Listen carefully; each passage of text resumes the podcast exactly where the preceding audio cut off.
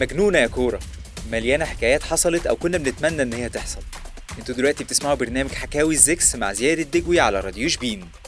راديو شبين صوت بيرسم لك صورة.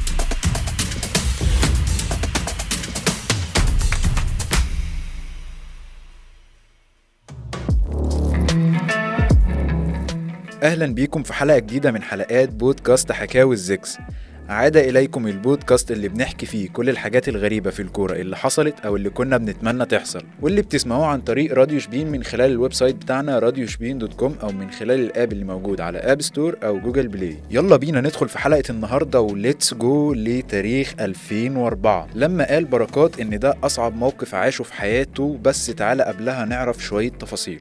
بركات بدأ مسيرته في نادي السكة الحديد وبعدها الإسماعيلي من 98 ل 2002 وكسب معاهم الدوري الإسماعيلاوي الوحيد. وطبعا كلنا سمعنا لما كان بيتكلم عن أول أيامه في الإسماعيلي ومنافسته لأحمد حسن اللي كان نجم الإسماعيلي الأول وقتها. واللي في بداية موسم بركات مع الإسماعيلي أحمد حسن خد طرد وتوقف كذا ماتش ووقتها بركات في البرنامج قال مفيش الصقر يبقى في كتة بقيت بصغرط بقى في عبي الصقر اتوقف الصقر اتوقف. مين هيلعب؟ آه. الكتة ما هو مفيش الصقر في الكتة أيوه. وبعد كده كنت راح أهلي جدة وبعدها العربي القطري مع النجم العالمي باتيستوتا وفي 2003 يرجع جوزيه يدرب الأهلي تاني بعد ما كان دربهم موسم 2001 2002 بس لما يرجع طلب من الإدارة إنهم يجيبوا اللعيبة اللي هيطلبوا. وبيقول جوزيه إنه كان فاكر بركات من المرة الأولى وكان على رأس اللعيبة المطلوبة. بس كان في مشكلة وهي إن كان في إشاعات بتقول إن بركات عنده مشكلة صحية. والموضوع زاد لدرجة إن لجنة الكوره في الأهلي كانت هترفض الصفقة. ولكن جوزيه كان مصر على بركات فلجنة الكورة اشترطوا إنه يتعمل له كل الفحوصات اللازمة قبل ما يتم التعاقد معاه.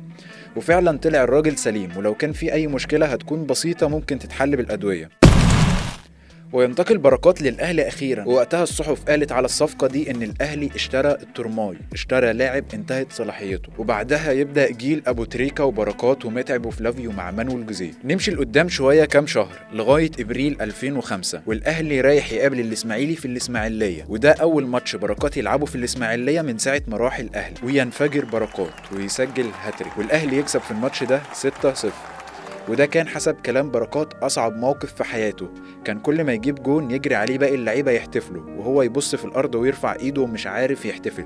أو بمعنى أصح مش عاوز يحتفل قدام جماهير الإسماعيلي. وبرغم كده وبرغم إن جماهير الإسماعيلي بتحب بركات وبتعتبره من أسباب فوز الإسماعيلي بالدوري 2002 زي ما قلنا وقتها كان الصقر وكوتا هما يعني نجوم الإسماعيلي وقتها إلا إنهم كانوا بيشتموه بسبب الهاتريك ده. فكان صعب على بركات يلاقي الجماهير اللي بتحبه بتشتمه برضه.